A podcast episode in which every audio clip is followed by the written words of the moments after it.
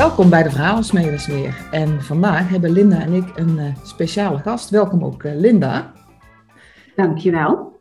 Uh, vandaag hebben wij Jason Boegwambas in bij de Verhalensmeders. En normaal gesproken zijn onze gasten wat ouder, hebben al heel veel levenservaring. Door vallen en opstaan hebben ze geleerd en vertellen over hun tegenslagen. ook om anderen te inspireren van ja, het leven overkomt je en het is hoe je ermee omgaat. En vandaag hebben we Jason. En Jason is 23. En die heeft toch al heel wat uh, te delen met ons. Dus welkom Jason. Uh, dankjewel. Ja, ja en uh, voor jou de vraag, want ik ga je verder niet introduceren, want dat kan je heel goed zelf. Dus we gaan beginnen bij, waar heeft jouw wiegje gestaan Jason? Ja, in Amsterdam-Noord, vermoed ik. In ieder geval, als ik mijn ouders mag geloven, in Amsterdam-Noord. Ja? In mijn dossier staat dat ik geboren ben in een, in een blijf van mijn lijfhuis. Dus daar gaat iets niet helemaal goed. Iets is niet congruent daar. Maar in ieder geval in uh, Amsterdam-Noord in een best wel een, een roerig gezin. Uh, mijn vader die was alcoholist, eigenlijk altijd al geweest. Hij uh, tussendoor ook wel andere verslavingen. Soms aan de harddruk, soms medicatie. Maar de alcohol is altijd de stabiele factor geweest. En, um, en mijn moeder is eigenlijk jarenlang bij hem gebleven. Ondanks het gegeven dat hij heel agressief was. Dus wij zijn opgegroeid eigenlijk ja, tussen het geweld in. Ja, en je zegt wij, eh, Jason. Je dan, concludeer jij met je moeder of heb je ook broertjes en zusjes? Ik heb, ik heb twee oudere broers, ben ik mee opgegroeid. Um, mijn oudste broer die was vrij snel uit huis, dus ik, ik heb vooral de broer boven mij uh, meegemaakt. En die, um, ja, die, die leed ook wel heel erg onder de situatie thuis. Maar die, was, die had een heel ander karakter dan ik. Die was, um, nou, het een lichtverstandelijke beperking, het autisme, zeg maar. En dan groei je op in een situatie die helemaal niet stabiel is. Mm. Dus hij, hij had al van vroeg af aan echt wel... Uh, ja, hij ging van school naar school en van, van jeugdzorginstelling naar jeugdzorginstelling. En er werd weer terug, teruggeplaatst, dus hij heeft het heel hectisch gehad. Maar het gezin bestond dus meestal uit vier personen. Soms uh, eentje meer of minder, afhankelijk van wie er uit huis was. Ja, dat klinkt uh, niet inderdaad als een hele stabiele jeugd. En als kind krijg je daar best wel iets van mee, eh, denk ik. Want dan was jouw periode op de basisschool. Die heb je ook gewoon in Amsterdam-Noord gedaan? Ja, ja ik moet zeggen, op de basisschool was ik altijd wel stabiel. Ik heb gewoon, um, ik heb altijd dezelfde basisschool gehad. Ik had genoeg vriendjes altijd. Dus ik heb de basisschool eigenlijk, ik heb daar nooit problemen ervaren. En dan ging ik naar huis en dan, uh, ja, dan was ik thuis. ja, en, en voor jou is thuis een ander thuis, denk ik, dan dat je bij je vriendjes aantrof, of niet? Was er... Ja, in Amsterdam-Noord waren wel heel veel problemen. Dus over het algemeen, um, ons gezin was wel heftig, maar niet per se uniek. Dus ik denk dat dat ons wel, um, dat heeft ons niet onzichtbaar gemaakt, maar we, we, waren wel normaal. Ja, precies. Dus voor jou was het eigenlijk normaal om in die situatie op te groeien. Dat was uh, niet ja, dat je dacht van, oh, het is anders, ik ga altijd bij een vriendje spelen. Ja, je, je, je, je kan wel vergelijken, maar over het algemeen waren het één ouder gezinnen. In die zin had ik het best goed. Ik had twee ouders. Twee compleet naar de klote ouders, maar het waren er wel twee. Ja, dus dat voelde af en toe wel ja. superieur. Ja, dat voelde wel superieur. En, en voor de rest in de wijk waren er gewoon echt wel soortgelijke problemen. Wij, bij ons was het wel misschien net een tikkie erger. Maar het was niet gek of zo. Je hoeft niet bang te zijn dat iemand de kinderbescherming belt. Want dan, dan zou je dat voor je eigen gezin waarschijnlijk ook moeten doen. Ja, precies. en dan ga je op een gegeven moment naar de middelbare school. Die was ook bij jou in de wijk? Of moest je uh, Amsterdam-Noord gaan verlaten? Nee, ik bleef in Amsterdam-Noord. En toen ging ik naar de middelbare school. En daar begon ik het contrast een beetje te zien. Want ik, um, ik ging als een van de weinigen van de basisschool ging ik naar, uh, ik ging naar HAVO-VWO toe. En dat was ook een HAVO-VWO-school. En ik schrok een beetje van wat ik aantrof, want ik was die openbare, brede basisschool gewend. Ja. En dit was, ja, als het regende, dan werden kinderen letterlijk naar, naar, naar school ge, ge, gereden met de auto. Weet je, dat had ik nog nooit meegemaakt. Bij ons kon, ja, mijn vader kon rijden tot hij zijn auto in de prak reed, zeg maar. Maar dat was, dat, dat was voor mij echt niet normaal.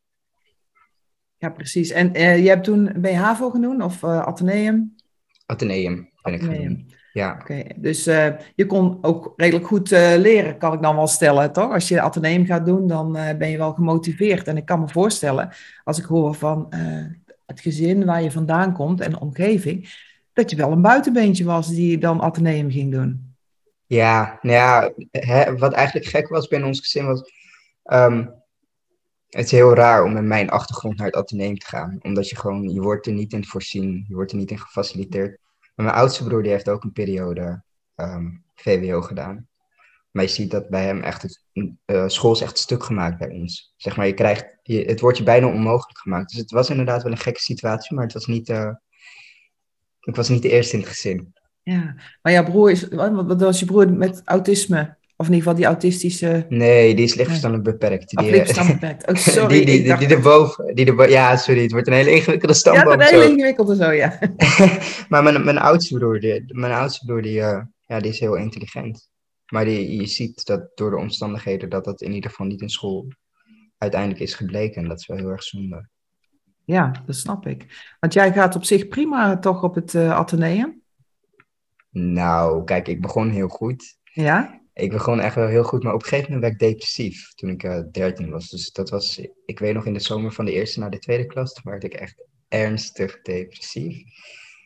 En daar had ik het niet over, want ik wist dat gewoon emoties. Wat is dat? Geen idee. Bij ons in het gezin ja, was iedereen eigenlijk vooral alleen maar boos. En ik had ook niet echt dat ik dacht, oké, dit ga ik bespreken. Ik voelde wel meteen, volgens mij gaat dit niet voorbij. En toen bleef het inderdaad aanhouden voor jaren. En um, nou, dat zag je in ieder geval ook terug op, in mijn cijferlijst. Nou, ik ging wel over tot de vijfde klas, echt met hakken over de sloot uiteindelijk. Maar hè, over is over. Ja, precies. Ja, en, en, en hoe merk je, hè, je bent dertien en je zegt nou, uh, ik, ik voelde wel, dit gaat niet over, dit is wel iets, uh, iets serieus, zal ik maar zeggen. Maar hoe weet je dan dat het, of achteraf, dat het een depressie is? Waar, waaruit blijkt dat? Ja, ja. Ik, ik voelde daarvoor, voor mijn dertiende, voelde ik bijna niks. Gewoon, ik was echt bijna apathisch. En toen begon ik in één keer te voelen. En dat is heel gek. Als je, heel lang, ik voelde me ook nooit verdrietig. Ik voelde gewoon niks. En toen voelde ik me eigenlijk permanent verdrietig. Gewoon elk moment van een dag, mijn dag- en nachtritme ging ik omdraaien. Ik, ik belandde in, in een isolement. En ik voelde me op een gegeven moment ook gewoon echt suicidaal. Toen ging ik snijden, dat heb ik ook jaren verborgen gehouden. Maar je merkt gewoon, je, je hele functioneren is gewoon ontregeld. Ja, bizar. En dan op zo'n jonge leeftijd. Dan had je dan een vriend of een vriendin waar je het daarmee over kon hebben? Of was het iets wat je helemaal in je eentje deed? Nee, ik heb het echt niemand verteld. Echt helemaal niemand. Mijn vrienden ook niet. Ik was echt een gesloten boek en dat had ik zelf niet per se door. Dat was geen keuze of zo. Dat was gewoon tweede natuur. En ik had misschien wel vrienden waaraan ik dat had kunnen vertellen. Dat weet ik niet weet ik niet zo goed. Maar ik heb het niet, ik heb het in ieder geval niet gedaan. Nee, nee en dan uh, op een gegeven moment dan loopt het uit de hand, of niet? Of heb je het zelf kunnen oplossen? Nee, nee, nee, het is nog steeds niet opgelost. Nee, ik, uh, op mijn zestiende liep het uit de hand. Toen was ik, um, ja, toen heb ik het gewoon, denk ik, net iets te lang binnengehouden. Toen was het ook te ernstig. En toen kwam er gewoon een dag waarop ik mijn bed meer uitkwam. Gewoon, ik kon echt helemaal niks meer. Ik bleef liggen uh, deur dicht. Niemand kon me bereiken. Echt niemand kon contact met me maken. En op een gegeven moment komt het dus ook niet meer naar school. Uh, in de vakantie maakt het niet uit natuurlijk. Hè. Als je blijft liggen, ja, dat is zorgelijk. Dat is wel zorgelijk. Maar hè, blijkbaar doet dat niet genoeg alarmbellen afgaan. En dan op een gegeven moment begint school weer. En dan word je gemist. Ja, want hoe reageerden jouw ouders erop? Viel het die überhaupt op dat jij veel in je bed bleef? Of ja, mijn moeder maakte zich heel erg zorgen. Mijn moeder maakte zich heel erg zorgen. Die heeft ook uiteindelijk de huisarts gebeld. Um, en mijn vader die was anders. Mijn vader die... Uh, ik, ik keek heel erg op naar mijn vader tot die tijd. Maar dat beeld dat is toen, toen pas stuk gegaan. Op mijn zestiende besefte ik pas, waarom kijk ik eigenlijk naar je op? Volgens mij heb ik daar helemaal niet zo heel veel reden voor. Dus dat was heel heftig, want ik, ik had hem echt op een voetstuk staan. Maar die zei, uh, en die dacht dat hij dat vanuit zijn positie kon, maar dat kon eigenlijk voor het eerst in, in mijn leven niet meer. Die zei, kom, ik pak een taxi en dan breng ik je naar school. Nou, school was natuurlijk het probleem niet, hè, dat moment. Nee. was, was vooral, vooral een uiting. En, en mijn moeder die heeft zich echt zorgen gemaakt, zeker omdat het alleen maar erger werd. En het werd eigenlijk voor mijn omgeving in één keer zichtbaar, hè, want ik had er al jaren mee gezeten. En zij dachten, wow, hij snijdt. hij is suicidaal. En hij doet nu niks meer, hij eet bijna niks meer. Dus mijn moeder die heeft op een gegeven moment ook echt met een, uh, een matras voor mijn deur gelegen. Oh zodat ja? Ik niet s'nachts, ja, zodat ik niet s'nachts weg kon. Want zij was echt bang dat ik, uh, dat ik suïcide zou plegen. Zo, dat is voor jouw moeder ook een hele heftige periode geweest. Uh. ja, en een broertje. Ik had een, heel, een, een jong broertje tegen die tijd is veel laat gekomen.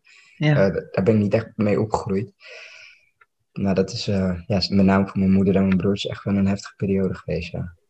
Ja, en had jij zelf toen het gevoel van ik heb hulp nodig? Of je dacht, laat allemaal maar? Hoe werkt dat? Nee, nee, nee. Ik had toen nog best wel een hoge pet op van zorg. Ik, ik had een beeld van, uh, van zorg dat niet helemaal conform de realiteit was. Alleen dat wist ik toen nog niet. Dus ik, um, ik, ik dacht dat ze me wel konden helpen. En ik kwam er eigenlijk vrij snel achter dat dat niet het geval was. Ja, want je kreeg eerst uh, thuishulp of uh, kwam jeugdzorg? Of hoe, hoe gaat dat? Ga je naar de huisarts en krijg je verwijzing voor maatschappelijk werk? Ja, ik kon niet naar de huisarts. ik kon niks meer. Dus de huisarts die kwam naar mij. Um, en die kon, die kon ook geen contact met me maken. Ik was gewoon, ik weet niet wat het was. Ik kon niet meer praten die periode. Helemaal niks. Ik zei echt niks. En het was, het was geen onwil. Het werd wel vaak gezien als verzet, maar dat was het niet. Het lukte me gewoon niet. Ik probeerde te praten en er kwam gewoon geen woord uit mijn mond. Maar die heeft toen de crisisdienst ingeschakeld. En toen kwam er iemand van de crisisdienst en die zei: Dit binnen een, een week gaat er hier hulp zijn. En binnen een week was helemaal niemand. En het heeft uiteindelijk uh, anderhalve maand geduurd voordat iemand was. Ik weet nog dat ik toen dacht: ja, dit, dit, dit hoeft voor mij niet zo, als het zo lang duurt. En uh, ja, op een gegeven moment de situatie die verergerde eigenlijk constant. En toen zijn op een gegeven moment zijn mijn mesjes van me afgepakt. Mijn vader die had mijn mesjes afgepakt. En dat was natuurlijk om ervoor te zorgen dat ik niet zou snijden. Maar ik had die mesjes op dat moment echt nodig. Gewoon. Het klinkt heel contra, maar, maar dat, dat hield mij echt op de been. Omdat ja, want als je dan, als je dan uh, het mesje had en je snijdt, dat, dan voelde je wel iets. Of wat was dan het, het... Het zorgde voor mij voor echt ontlading. En op een gegeven moment was het ook gewoon een deel van mijn dagbesteding. Want het enige wat ik deed was uh, liggen, wakker worden, snijden. Um, dat was het, ik, ik snee meer dan ik at, zeg maar. En dat werd toen van mij afgepakt. Maar ik, heb, ben geflipt toen. Ik heb het hele huis overhoop gegooid, gewoon op zoek naar die mesjes. Mijn vader heeft toen de politie gebeld voor me. En dat, ja, ja vond ik echt een, dat vond ik echt een hele nare streek, gewoon met zijn achtergrond en zijn agressie. Zeg maar dat hij uiteindelijk de persoon is die de politie belt voor mij. Maar um, ja, toen ben ik eerst in de politiecel gezet. Uh, moest ik en dan ben je 16, Jason? Ja, ja. Toen moest ik uh, daar ja, voor onbepaalde tijd, je weet niet hoe lang je wacht, wachten op iemand van de GGD. Toen kwam iemand van de GGD, maar ik kon niet praten, dus die kon er niet heel veel uithalen. Dus die stuurde me door naar de crisisdienst. Dus toen moest ik wachten op een uh, psycholans. En toen ben ik overgebracht naar de crisisdienst. Toen ben ik bij de crisisdienst in een isoleercel gezet. En toen moest ik daar weer wachten tot ik beoordeeld zou worden. En na uren en uren hebben ze toen beoordeeld dat ik uh, opgenomen moest worden voor het eerst. En toen hebben ze me overgebracht naar een uh, psychiatrische afdeling voor jeugd. Ja, toen zat ik in de zorg. En sindsdien ben ik er niet meer uitgekomen. Ja, kan je nagaan. Want dan denk je van, hé, hey, er komt eindelijk hulp. Hè? Want je, je voelt ook natuurlijk wel dat je hulp nodig hebt als je thuis ligt en je snijdt en je denkt, kan niet praten. Lijkt het wel alsof je gevangen zit in je eigen lijf. Hè? Dat er iemand komt die zegt van oké, nou we breken het even open en, eh, en kom er maar uit, zal ik maar zeggen. Maar in plaats van dat er hulp kwam om jou uh, ja, te kijken wat is er nu aan de hand, werd je weggestopt. Ja, ja en het, het was ook meteen het eerste wat bij mij is ingezet, dat is gesloten jeugdzorg. Uh, nou dit was psychiatrie, maar in ieder geval gesloten zorg. En daar is eigenlijk helemaal niet van afgeweken, ook niet in de jaren daarna. Dus ik heb eigenlijk vorig jaar voor het eerst pas therapie gehad traumatherapie. Dat was iets wat ik echt nodig had. En in de jaren daarvoor afgaand eigenlijk alleen maar om de haverklap ergens opgesloten. Ja, ja want op een gegeven moment, hè, je gaat dan naar de jeugdpsychiatrie. Hè? Ja, ik heb daar uh, geen beeld en geluid bij, hè? maar uh, ik denk dan, dan, uh, krijg je, dan krijg je gesprekken. Nou, jij zegt, ik kan niet praten. Dan gaan ze kijken van, wat maakt dat hè, deze, deze jongen niet kan praten? wat is er aan de hand? Is het, hebben ze daar toen nog niks aan traumatherapie gedaan of gekeken van wat is er nou of wat is de achtergrond of hoe komt hij hier? Nou, ik kwam bij mijn eerste opname en ik had een dronk bijna niks. Dus het gevolg was dat de focus heel erg daarop ging liggen in plaats van wat nou eigenlijk het probleem was. Dus ik ben daar, ja, mijn eerste opname, dat was eigenlijk een, um, ik werd alleen maar gefixeerd. En gefixeerd is dat je tegen de grond aangedrukt wordt. En dat was omdat ze mijn bloed wilden prikken. En ik werk nooit mee.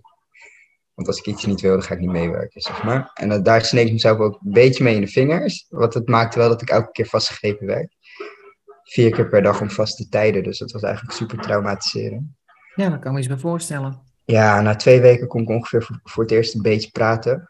Um, uiteindelijk hebben ze eigenlijk niks met me kunnen bereiken, die opname, omdat de focus alleen maar naar eten ging. En toen uiteindelijk hebben ze me daar ontslagen. Zonder eigenlijk dat er iets veranderd was. Dus ze hebben wel gesteld dat het, uh, dat het gegeven dat ik niet praatte, ze dachten dat het uit verzet was daar ook. Um, en, en eerst dachten ze dat het autisme was. Dat misschien autistisch was. Een beetje autisme, ja. Ja, dat is een beetje gek toch als iemand op zijn zestiende... Hè, als ik niet kan praten, dan verwacht je dat het eerder aan het licht komt, toch? Ja. Maar goed, maar laten gaan. Ja. Ja, en, maar jij zegt van, hè, dan, mag, dan mag je dus uit die jeugdpsychiatrie. Ik stel waarvoor, gaat de deur open en je gaat met je, met je tas naar buiten en je gaat naar huis. Ja, ik ging naar huis. Uh, mijn problematiek was echt extreem verergerd omdat ik de hele tijd vastgegrepen was. En dat, ik weet niet, ik kan je niet uitleggen wat het met je hoofd doet. Als je gewoon, ik wist, zeg maar, elke keer als ik op mijn kamer zat, dan hoorde ik voetstappen. En elke keer als ik voetstappen hoorde, echt van die hakken, dan, dan hoopte ik dat ze niet stopten bij mij voor de deur. Want ik wist, hè, als ze in groepen kwamen, kwamen dan met tenminste vijf man. En dat werden er telkens een paar meer, omdat ik doorhad hoe hun fixaties werkten. Dus, hè, als je hier overheen stapt, dan wordt het moeilijker. En dan zit je daar elke keer eigenlijk in spanning op je kamer te wachten tot, tot iemand je komt halen om je tegen de grond aan te drukken. Ja, dat is echt, echt heel eng. Dus ik kwam weer thuis en ik was gewoon echt compleet, compleet de weg kwijt. Mijn moeder kon me echt niet handelen thuis. Het eigenlijk maakte dat ik, uh, ja, nog een paar weken en ik zat weer in een gesloten instelling. Ja, want ik vraag me dan af, hoe kom je zo snel in een gesloten instelling? Want ik hoor juist dat jeugdzorg zo lang duurt voordat er hulp is. Nou zei je wel eerst, hè, eerst was het anderhalve week, het anderhalve maand voordat er iets gebeurde. En dat, maar dan word je wel meteen uh, opgenomen. Uh, hoe kan het dan dat je zo snel... Uh, want ging je toen weer gesloten? Ja. ja, de jeugdzorg heeft mij alleen maar gesloten geplaatst. Niks anders. Dus dat is heel raar, hè? De, de gesloten jeugdzorg wordt zo neergezet alsof het het laatste redmiddel is. Dan is al het andere geprobeerd. Nee, ik heb echt niks gehad van zorg anders dan gesloten. En um, ja, gesloten is eigenlijk een van de weinige voorzieningen waar ze altijd wel een bed leeg hebben. Dus daar kom je vrij makkelijk terecht. Zeker op het moment dat je suicidaal bent. Dat vinden personen vinden dat heel eng. Dat snap ik. En die denk je dan veilig te houden op het moment dat ze je opsluiten. Terwijl het eigenlijk uh, je problematiek alleen verergert. En dat is wat er gebeurd is. Ja, precies. Want hoe gaat het dan als je in, uh, een gesloten inrichting zit? Uh, is er een dagbesteding? Uh, nou, je was een slimme jongen, ik ben nog steeds een slimme jongen. onderwijs, we hebben leerplicht, dus ieder kind heeft recht op onderwijs, zal ik maar zeggen. Dus ja. hoe was het met jouw schoolcarrière? Ja, nou ja, de GGZ, de, waar ik eerst belandde, die, dat werkt iets anders dan, dan de gesloten jeugdzorg. Dat zijn twee andere voorzieningen, andere geschiedenis hebben ze, vallen onder een andere wet. En dat was heel erg te merken, want de gesloten jeugdzorg, dat leek echt op een gevangenis. Gewoon het, ik weet nog dat ik voor het eerst in een gesloten instelling terechtkwam, gesloten jeugdzorginstelling. En het was letterlijk een gevangenispand. Gewoon, het, het, vroeger was het gebruikt als gevangenispand, nu hadden ze besloten dat het jeugdzorg was. Um, en daar werd ik in geplaatst. En er was eigenlijk vrij weinig. Ik heb daar geen school kunnen volgen, want ik kwam van, ik zat toen in de vijfde klas van het VWO. En het was echt, dat was, dat, dat was daar heel raar. Dus dan word je echt behandeld alsof je uh, zeldzaam diersoort bent, zeg maar. Dat bestaat daar gewoon niet. Dus ik, um, ik weet nog dat alle kinderen, die mochten dan overdag naar school. En school is intern, want je mag niet naar buiten. Dus school ja. wordt ook binnen de instelling georganiseerd. En ik moest dan of achterblijven op de groep in mijn eentje zonder jongeren. Of ik moest op mijn kamer zitten zonder school. Omdat er voor mij gewoon niks was. Want ze hadden dan een beetje de basisvakken die er dan uh, werden gegeven. Of waarom was er niks voor jou? Konden ze niemand invliegen? Of hadden ze geen boeken? Of kon je online niks volgen? Nou, het onderwijs in instellingen is heel slecht geregeld. Ik, ik heb altijd gedacht dat het kwam omdat ik VWO deed, omdat ze dat altijd tegen mij zeiden, dat er mm-hmm. geen VWO-onderwijs was. En dat klopt, VWO en HAVO is in zijn totaliteit niet. Maar VMBO en zo, dat is ook, uh, dat is, je gaat niet weg met een diploma in die instellingen. Gewoon puur omdat wat er gebeurt is, je hebt gewoon een, een lokaal en er worden er allemaal kinderen ingezet. Uh, ja, max 12 geloof ik. En één kind zit in de eerste klas, een ander kind zit in de derde klas. En eentje zit aan rekenen en eentje zit aan taal. Dat is niet echt onderwijs, natuurlijk. Hè? Dat is gewoon, de, ja, dat is, dat is maximaal zelfstudie als je dat al van een kind kan verwachten.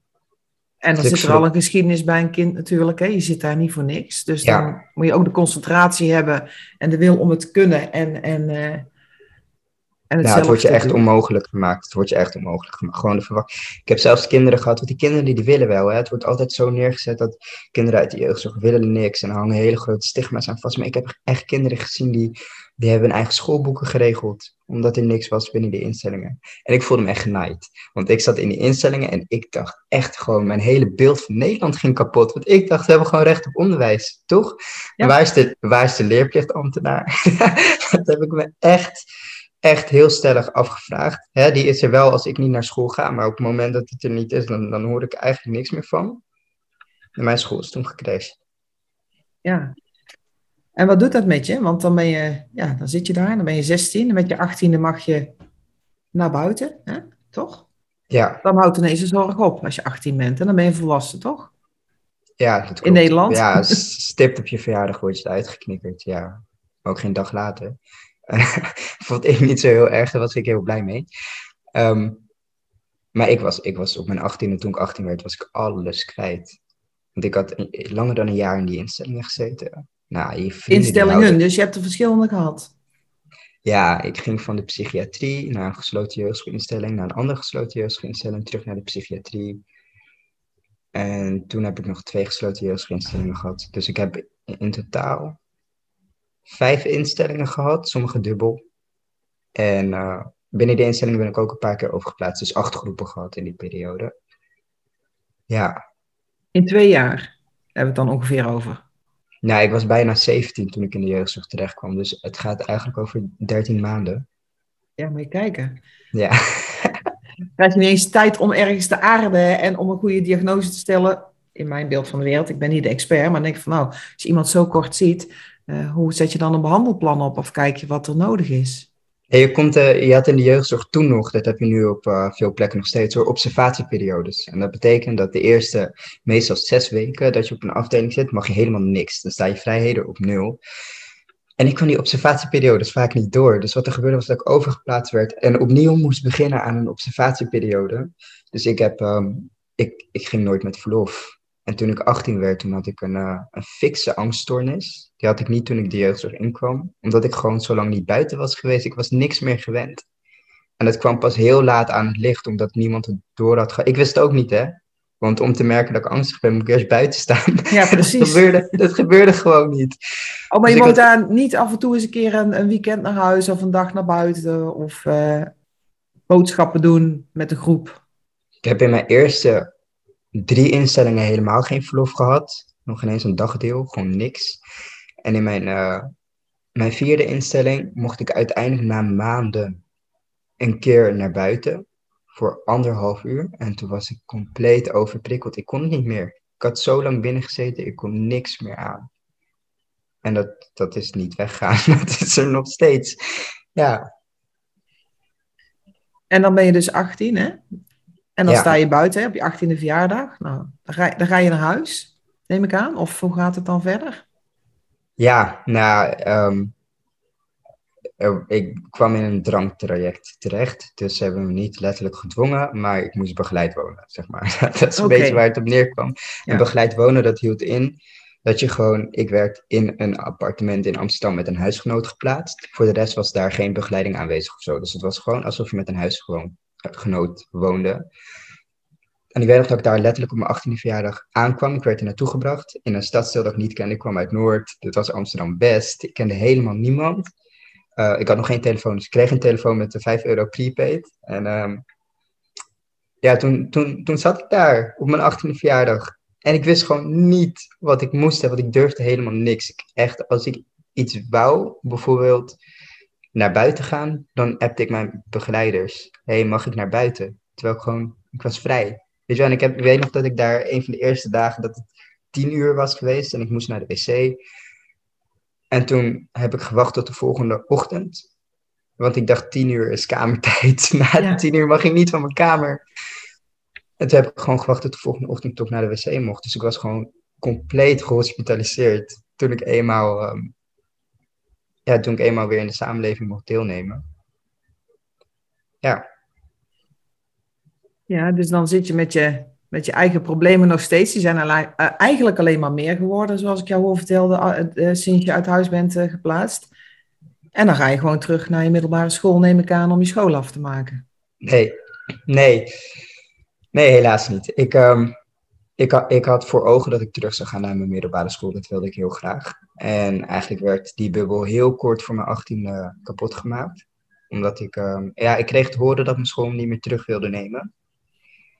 Dus ik was ook mijn middelbare school kwijt. En toen hebben ze stad en land afgebeld op zoek naar een andere middelbare school. En niemand wilde me, wat ik snap, hè? Goed verhaal. hey, we hebben een kind uit de gesloten jeugdzorg. Hij deed VWO, hij wil graag VWO-school. Ik snap dat scholen daar niet uh, om staan te springen. En toen werd ik op mijn 18e naar het speciaal onderwijs gestuurd. Ja.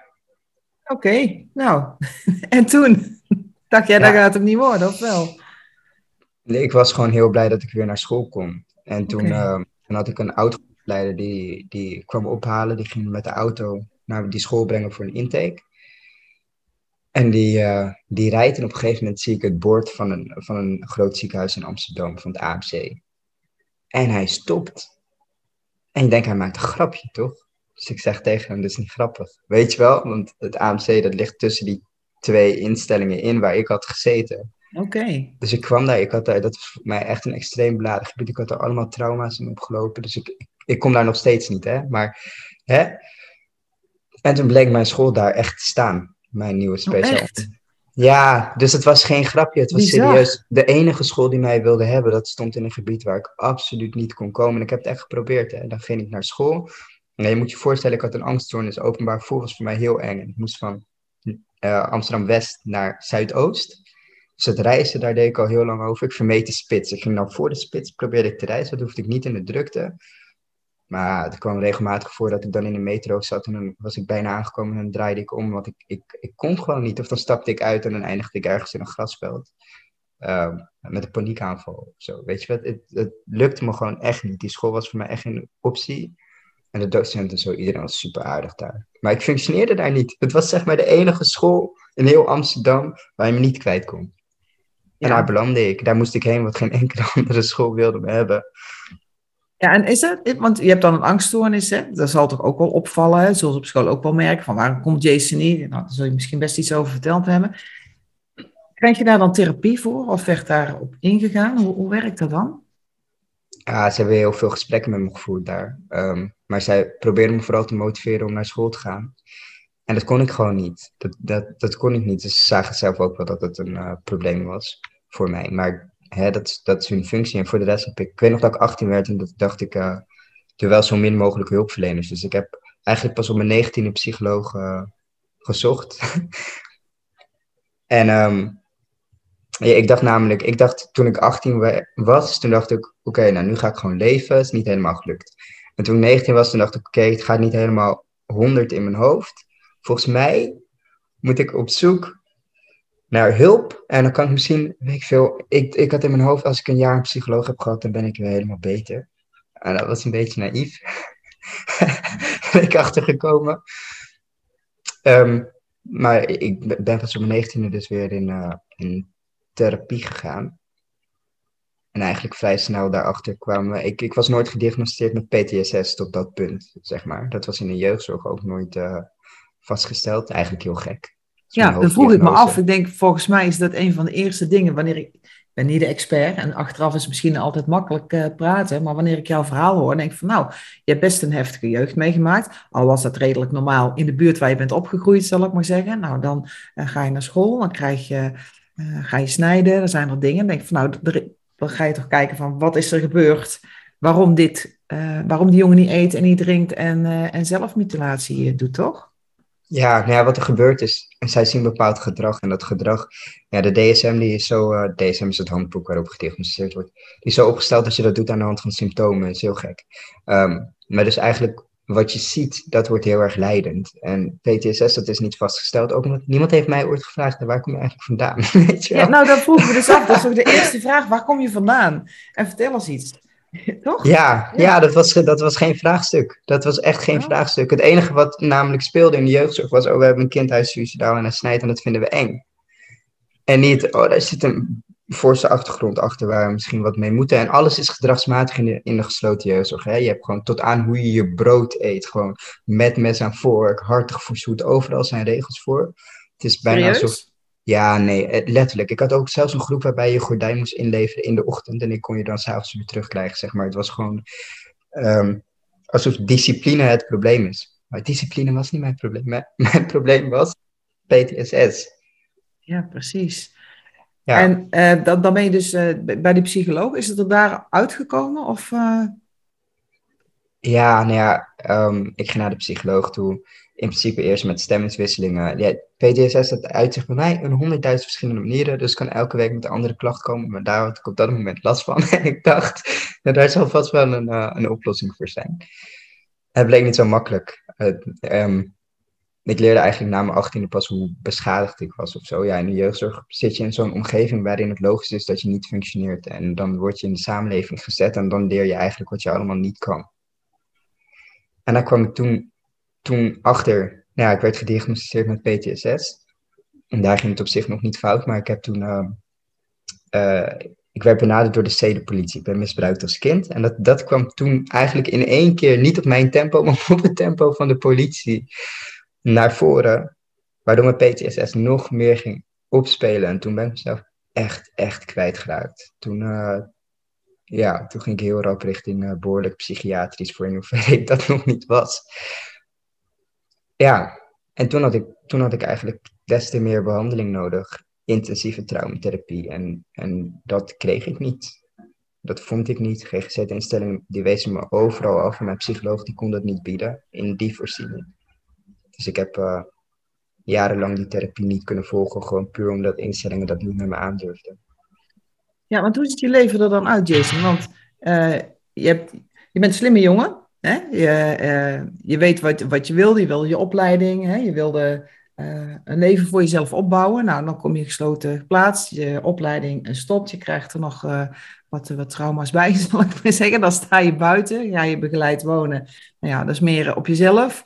Ehm, hoe ziet je dag er dan uit? Want je gaat niet naar school. Ehm, ehm, werk je dan? Of, of lees je dan? Of leer je dan? Of zit je helemaal in je, in je, in je trauma? Ik heb geen idee. Hoe ziet, hoe ziet je leven dan uit als je 19 of 20 bent? Nou, vlak na mijn 18e, toen, eh, toen ging het best wel goed. Ook omdat ik dacht, ja, ik heb nu de hele tijd opgesloten gezeten of zo. En ik wil wat anders. En ik wilde ook graag naar school. Dus ik heb dat wel constant geprobeerd. Het lukt alleen.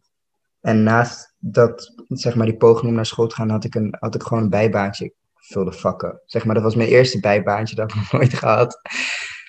Eh, en ik was bezig in de ervaringsdeskundigheid, dus ik had het heel druk. En na die rechtszaak ben ik eigenlijk compleet uitgevallen. Gewoon, ik kon helemaal niks meer. Ik, ik had niet verwacht dat het me zo zou ontregelen, maar het heeft me echt jaren, jaren compleet van de kaart gespeeld.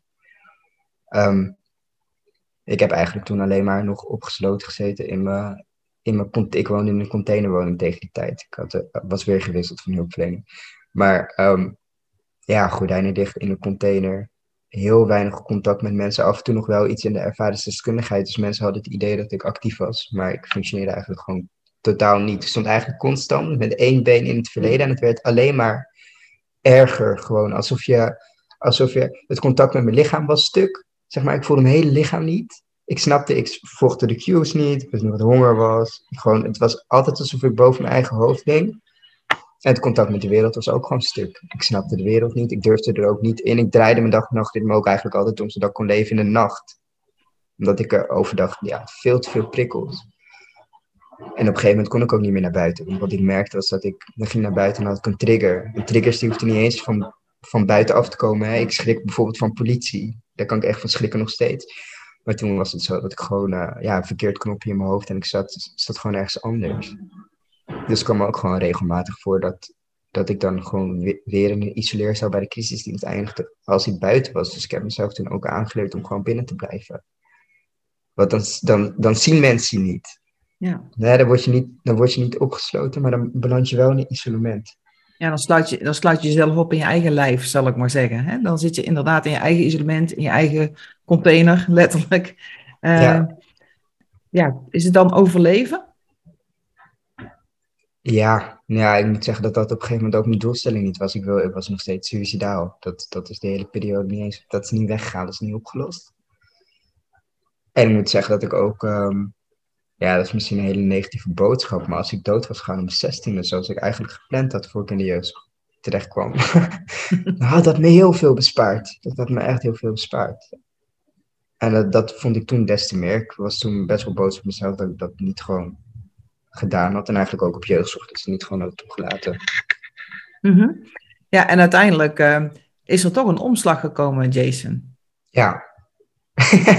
toch? Ja, want je, A, je zit hier en B, je bent ook met heel veel hele andere dingen bezig. Maar wat is voor jou een omslagpunt geweest? Was het een persoon? Was het een gebeurtenis?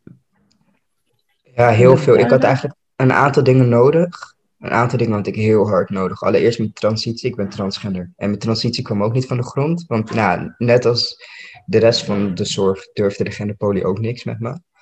Dus ik liep vast in mijn transitie. Ehm, school had ik heel erg nodig. Dat was voor mij echt niet optioneel. Gewoon, ik zag geen leven zonder school. En um, traumatherapie. Het waren drie vereisten die eigenlijk uh, geen van alle van de grond kwamen. En tot ja, tot vorig jaar eigenlijk. Toen werd mij traumatherapie aangeboden door een, uh, een instelling die heeft toen een uitzondering voor me gemaakt. En dat, ja, die, uh, dat was eigenlijk een kinder- en jeugdinstelling. Dus ik viel niet meer in die leeftijdscategorie. Nee, je was net iets te oud. ja, net iets te oud. En eigenlijk na jaren overal de deur geweest te zijn. Toen kwam ik daar en ze hebben me echt super geholpen precies aangeboden wat ik nodig had. En ze waren echt heel betrouwbaar. We hebben ook van tevoren afgesproken, ik wil geen dwang, geen nee. isoleercellen. Je moet niet, niet met z'n vijven vastleggen en bloed prikken gaan we niet doen. geen politie bellen, niks. en dat hebben ze ook niet gedaan. Dus dat was, um, ja, was een hele andere ervaring dan ik normaal gesproken heb gehad in de, in de hulpverlening. Dus het kan wel. Het kan, het kan heel echt. Ik heb die hulpverleners echt in mijn hart gesloten. Dat heeft een verschil gemaakt. En het kwam eigenlijk tegelijkertijd met uh, mijn operatie en mijn het begin van de universiteit voor mij. Dus dat kwam in een periode van, in een periode van drie maanden kon ik en beginnen aan mijn therapie en mijn operatie en aan school. Ik moet zeggen, dat, dat is niet de beste timing. Het kan beter. Alles tegelijk is ook wel veel, hè? Ja, het voelt een beetje als, uh, uh, alsof er een dijk is opgebouwd.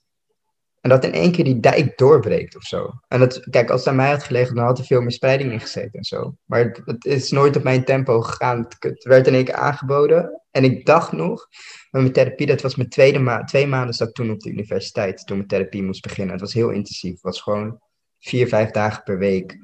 Um, eigenlijk vier uur EMDR per dag met pauze ertussen, zeg maar. Dus dat was, ja, dat was druk. Dat was echt heel druk. Maar ik dacht, ik kan mijn school nu niet laten gaan. Want het is de eerste keer dat ik weer mee mag doen. Ja, want jij gaat er heel snel overheen. Je hebt uh, je hoogste, de hoogste opleiding die je af hebt gemaakt, is je basisschool, hè? Ja. Want je afneemt, toch heb je, niet, heb je niet af. En dan heb je het over universiteit. Dus volgens mij zit daar ook nog wel uh, iets tussen. Ja. Wat een gebeurtenis is geweest die in jouw leven bepalend is geweest. Of in ieder geval heeft meegewerkt dat je op de Unie zit. Ja, ja ik... Um, um, ik heb mijn middelbare school echt nooit afgemaakt. Dat is gewoon nooit, dat is nooit gelukt. Daar baal ik nog steeds van, eerlijk gezegd. En op een gegeven moment, toen was ik 21. En toen was ik gewoon inmiddels zo oud dat ik op kon gaan voor 21 plus toets. Ja, precies. En dat durfde ik niet. Want mijn zelfvertrouwen was echt compleet met de grond gelijk gemaakt. Ik dacht, dat kan ik helemaal niet. Um, dus durfde hem ook niet inschrijven. En toen ik weet nog dat er een, dag was. Ik was als ervaringsdeskundige nog wel actief. En toen mocht ik spreken op de Hogeschool van uh, Rotterdam. Ik weet nog dat ik in de ochtend getwijfeld had of ik dat nog wel ging doen. Want ik voelde me echt niet goed. Maar ik dacht, Jason, even zet je er overheen. We gaan voor die kindjes uit de jeugdzorg. En het zijn studenten, dus dat is belangrijk. En dan helemaal niet met het idee dat zij me iets terug zouden geven of zo, weet je wel. En toen kwam ik daar aan. Um, had ik een heel verhaal gedaan. En toen vroeg een van de studenten me wat ik, wat ik deed, zeg maar, voor de rest. Of wat ik wilde doen. En ik wilde heel graag naar school, maar dat deed ik niet. En dat was echt, uh, dat was echt een pijnpunt. Dat was echt een fors pijnpunt. En je zag ook, zeg maar, in, in het klaslokaal dat iedereen er wel mee zat, dat dat niet lukte of zo. Omdat zij, zij dachten dat ik dat wel kon. En toen hebben ja, twee, twee studenten en een docent, die hebben een middagje met me gezeten, eens een middag. En die hebben gewoon met me uitgezocht ja, wat ze nodig. En toen bleek dat ik voor een HBO-opleiding voor social work, had ik eigenlijk alleen nog maar een Nederlands certificaat nodig. Dus een Nederlands. En ik dacht, ik kan Nederlands, dat kan ik, weet je wel. Ja, voor de rest, eh, nou dat kan. En toen, toen heb ik die 21 plus toets gemaakt. Geen grap, het was weer dezelfde omgeving waar je de toets moest maken als, ehm, als mijn speciaal onderwijsschool stond. Dus dat ging weer niet. Dat ging weer niet. Toen, hebben ze weer een uitzondering moeten maken dat ik hem ergens anders mocht maken. En toen heb ik die gehaald. Toen ben ik begonnen op het HBO. Weer niet goed gekomen overigens. Heb ik een half jaar, half jaar gedaan. En toen viel ik weer uit. Omdat ik gewoon niet stabiel was. Maar ik wilde, ik vond het niet erg, want ik wilde ook geen HBO doen. Oké, Linda, jij, wou, eh, jij wilt eventjes iets zeggen, zie je. Nou ja, ja ik, zit, eh, ik durf bijna niks te zeggen, want ik zit gewoon ademloos te luisteren, Jason. Wat heb jij meegemaakt? Ik word er gewoon emotioneel van, merk ik nu. Ehm even slikken.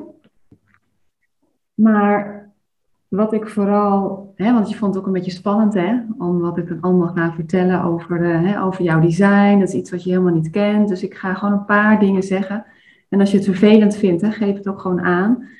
Want ik ga alleen maar mooie dingen zeggen, maar wat ik gewoon heel erg kan zien, en dat is ook wat zo duidelijk naar, in jouw design naar voren komt, is dat omgeving is zo belangrijk voor jou. Want jij moet het eigenlijk zien dat jouw design, dus wie jij bent, neemt de omgeving helemaal in zich op. Dus er zitten geen deuren of ramen voor dat jij je kunt afsluiten voor de invloeden in jouw omgeving. En daarin hoor je heel erg het contrast, hè? dus het opgroeien in een omgeving die giftig voor je was. In een buurt die giftig voor je was. Dan ga je naar al die instellingen en die hele jeugdzorg die giftig voor je was. Heb ben je enorm verkeerd behandeld. En weet je wat er dan gebeurt? Op het moment dat die omgeving, je kunt je daar niet voor afsluiten, dan is het net alsof dat allemaal uitvergroot binnenkomt. En is er ook, als die omgeving niet goed voor je is, is er helemaal niks goed. Dan is alles wat je daar probeert te doen, lukt niet. Als er iets niet goed is, is alles niet goed. En dat vind ik zo, ja, gewoon echt pijnlijk om te zien en te horen.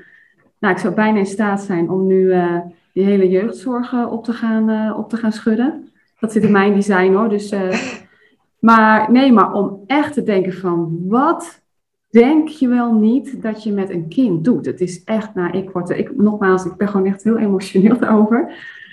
Maar wat ik gewoon heel gaaf vind om te horen, is dat je inmiddels een omgeving hebt gevonden wat, wat, wat, dat de andere kant werkt dus ook wanneer jij uh, je daar fijn voelt, wanneer jij ergens woont, wanneer je ergens studeert, wanneer je ergens bent, waar het klopt, gaat ook alles fantastisch. Ja, ja dat is heel herkenbaar, ja.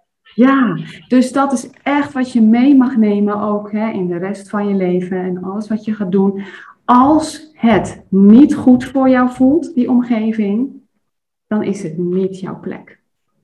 Moet je maken dat je wegkomt. Daar mag je altijd op vertrouwen. Dat dat. En dat jij, en ook heel belangrijk, dat jij ook zelf de plekken kiest waar je gaat zitten, letterlijk in een ruimte. Dat je daarin ook echt, nou ja, ik weet niet of je dat ervaart, maar dat je gewoon, gewoon weet, dat is mijn plek, daar wil ik zitten, daar voel ik me veilig. Ja, ik vind het een beetje eng, want ik herken het heel erg. Ja, nee, maar daarom, ik wil niet te veel, hè, want ik merk dat je het eng vindt en ik weet dat je gewoon nog, hè, eh, nou, dat er misschien nog voor alles kan spelen. Maar, maar dat wil ik je gewoon meegeven, dat, je, dat dat is. En wat ik je daarnaast ook mee wil geven, is dat je over een enorme, maar dan ook een enorme wilskracht beschikt. En dat jij alles kunt bereiken wat jij wilt. Dus alles wat jij voor je ziet, je hebt ook een hele levendige, uh, levendige uh, voorstelling kun je maken van het leven. Je, kunt, je zit heel veel in beelden. Ik weet niet of je dat herkent, maar dat kan Ja, PTSS. ja, maar dat is dan hoe die dan ook negatief naar voren kan komen. Is dat je dan misschien ook beelden, want ik zie ook dat je een angst voor het verleden hebt. die, waardoor je jezelf in kunt houden om nieuwe stappen te maken. Dus ehm, probeer ook jouw levendige fantasie te gebruiken om te visualiseren wat jij wilt in het leven. Want jij hebt de wilskracht, maar dan ook echt enorm. En dat hebben maar weinig mensen. Een derde van de wereldbevolking heeft wilskracht altijd tot zijn beschikking. En dat heb jij dus ook. En wat voor jou ook heel belangrijk is, los dus van die omgeving waar je in bent, is dat jij in controle bent van waar je woont, wat je eet, wat je doet en waar je naartoe gaat. En die controle mag je pakken. Een beetje het tegenovergestelde van gesloten jeugdzorg. Dus. Juist. Dus dat is precies alles, alles wat er zeg maar jou is aangedaan, want dat is gewoon, er is jou, zijn jouw dingen aangedaan, is inderdaad staat haaks op jouw design. Want jij hebt vrijheid nodig. Jij bent ook iemand die wel leert door de School of Hard Knocks. Hè? Dus door de vallen en opstaan. Dat zal ook de rest van je leven zo zijn. Maar dat geeft jou de ervaringswijsheid die jij nu kunt inzetten. Ehm, om anderen te vertellen over jou, letterlijk over ervaringen. En dat het anders kan en moet. En daar heb je heel veel overredingskracht voor. Dat zit ook in jouw design. Dat jij heel goed kunt uitleggen en heel goed kunt overreden van jongens, eigenlijk mensen kunt overtuigen van een ander standpunt. Van jongens, ja, kan je wel leuk zeggen. Het is ook een beetje marketing, uh, sales marketing eigenlijk. Hè? Kun je heel goed jouw verhaal verkopen. Heftig. ja, nee, maar dat is niet heftig, dat is gaaf. Oh, dat, is gaaf. Cool. Ja. Dat is cool. Nee, maar dat is volgens mij ook wat je wilt, toch? Ja, ja hè, maakt mij niet zo voor uit van mijn standpunt door. Ik wil gewoon betere jeugdzorg. En ik ben ervan overtuigd dat mijn standpunten kloppen. Anders, uh, anders praat ik er niet over. Nee, precies. Maar hoor je jezelf zeggen, ik weet wat ik wil. Ik wil de jeugdzorg anders maken. En dat is ook in jouw levenswerk terug te zien. Uh, die heeft te maken met wetten. Dan ga ik je zo meteen met rust laten, want ik kan nog heel veel meer dingen vertellen hoor. Maar je, misschien vind je het al een beetje, een beetje eng worden. Maar ehm, ik ga even, ik had net een stukje gezien. Um, eigenlijk oude beperkingen, hè? want jij bent heel goed in het omgaan met beperkingen. Dat heeft ook letterlijk ervoor gezorgd dat je nog hier zit, denk ik, dat je dat in je hebt. Um, dat het eigenlijk, dat die oude beperkingen, dus zoals de jeugdzorg nu nog werkt, want dat zijn gewoon hè, beperkingen, dat is gewoon niet hoe het moet, hè, wat je ook aangeeft, dat het de springplank wordt voor constructieve nieuwe innovaties. En dat is even heel, heel kort samengevat wat jij hier bent om te doen in het leven. Oh, wat eng. Ik had eerlijk gezegd niet verwacht dat het zo accuraat zou zijn. Ja, nou ja, dat hoor ik wel vaker. Ik wil ook niet, ik merk ook, ja, weet je. En een laatste stukje. Uh, ik zie dat je aanleg hebt voor depressiviteit. Dat zit ook, zit ook echt in je design. Um, nou ja, het is heel belangrijk voor jou dat je in contact staat met je gevoelens. Dat wil ik je heel erg meegeven. Dus dat je die omarmt, want jij hebt een bepaalde golfbeweging in jouw design. Dat je je de ene dag gewoon fijner voelt dan de andere keer. Um, wat ik je daarin echt wil meegeven, dat hoort bij jou. Dat is niet dat je daardoor raar bent of wat dan ook. Lia heeft bijvoorbeeld uh, hetzelfde, dus die, die heeft ervaring mee. Dat is gewoon echt, heel veel mensen hebben dat. En dat je gaat, heel erg gaat voelen dat op het moment dat je ergens enthousiast van wordt, om iets te doen, is heel belangrijk dat je dat in je lichaam voelt. En dat je dan een nachtje slaapt, minimaal, voordat je een belangrijke beslissing neemt. Dat wil ik je echt meegeven. En dat je ook echt die gevoelens omarmt. Want jij kunt heel wijs worden over hoe gevoelens werken. En daarin ook juist heel veel kinderen helpen over hun gevoelens te praten. Dus ik, ik, ik kan nog veel meer vertellen, maar ik wilde je hierin alvast wat dingen meegeven. Want ik hoop niet dat je het te eng vindt. Maar ja, ik kan dus wel heel veel dingen ja, bij je terugzien. En uh, ja, dat. Oh, heel intens dit. ja. Maar vind je het te intens? Vind je het te heftig? Nee, ik ben vooral heel erg verbaasd. Nee, ja. um, Ja, nee, dit is ik, ja, boven verwachtingen dit. Ja, ja. Ja, nou ik hoop dat je er wat mee kunt. En uh, mocht je meer willen weten, dan uh, wil ik je met alle liefde wat meer vertellen. Oh, lief.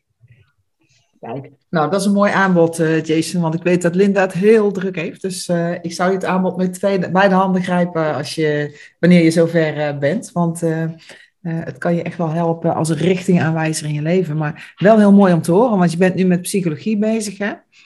En, uh, en, en, je bent ervaringsdeskundige en, en je wilt de wereld veranderen. Dus ja, ik zou zeggen, de wereld ligt aan je voeten, Jason. Ja, ik, uh, ik hoop het. Mag inmiddels wel, toch? Ja, precies. Ja, want we zijn uh, langzaam aan het eind van de podcast gekomen. Ik zou nog uren met je door kunnen praten. Um, heb jij nog, als, als we jou nou over vijf jaar uitnodigen voor de verhalensmeders. En ik hoor net, jij bent goed in beelden. Nou, wat is er dan allemaal veranderd in de jeugdzorg? Of uh, waar sta je dan? Misschien doe je iets heel anders. Heb je al een beetje... De gesloten jeugdzorg uit. Gewoon die gesloten jeugdzorginstellingen in zijn totaliteit. Ja. Uh, ik vind dat die geen bestaansrecht hebben. Ik weet niet of vijf jaar een haalbaar tijdspad is, maar ik vind dat het een haalbaar tijdspad moet zijn. Um, maar dat heb ik niet zelf volledig onder controle. Maar de gesloten jeugdzorg wil ik uit. Ja. Oké. Okay. Nou, dat is een mooi, uh, mooi streven. Dankjewel, uh, Jason, voor, uh, voor je openhartig gesprek. Ik heb regelmatig even met een brok in mijn keel gezeten. Ik denk van, wow, dat dit in Nederland überhaupt kan. Nou, ik zit, ik, Linda zit er soortgelijk in, volgens mij zo te zien. Ik zit hier met tranen in mijn ogen. Ja, je hebt me echt geraakt, Jason. Ja. Oh, sorry. Nee, nee, maar dat is alleen maar mooi, weet je. Ik dank je wel. En daarmee ga je heel veel mensen raken. Maar ja, dat is gewoon hoe het bij mij werkt. Nou, dankjewel uh, Jason. Heel veel succes met je, met je opleiding en al het moois wat je nog in de wereld uh, gaat zetten. En we gaan vast nog veel meer van je horen. Dankjewel. Oké. Okay. Nou, dankjewel luisteraars van de Verhalensmeders. Na dit uh, mooie verhaal luisterend naar Jason ga ik toch nu afkondigen. volg ons via Verhalensmeders en je krijgt automatisch bericht wanneer er weer een nieuwe podcast verschijnt.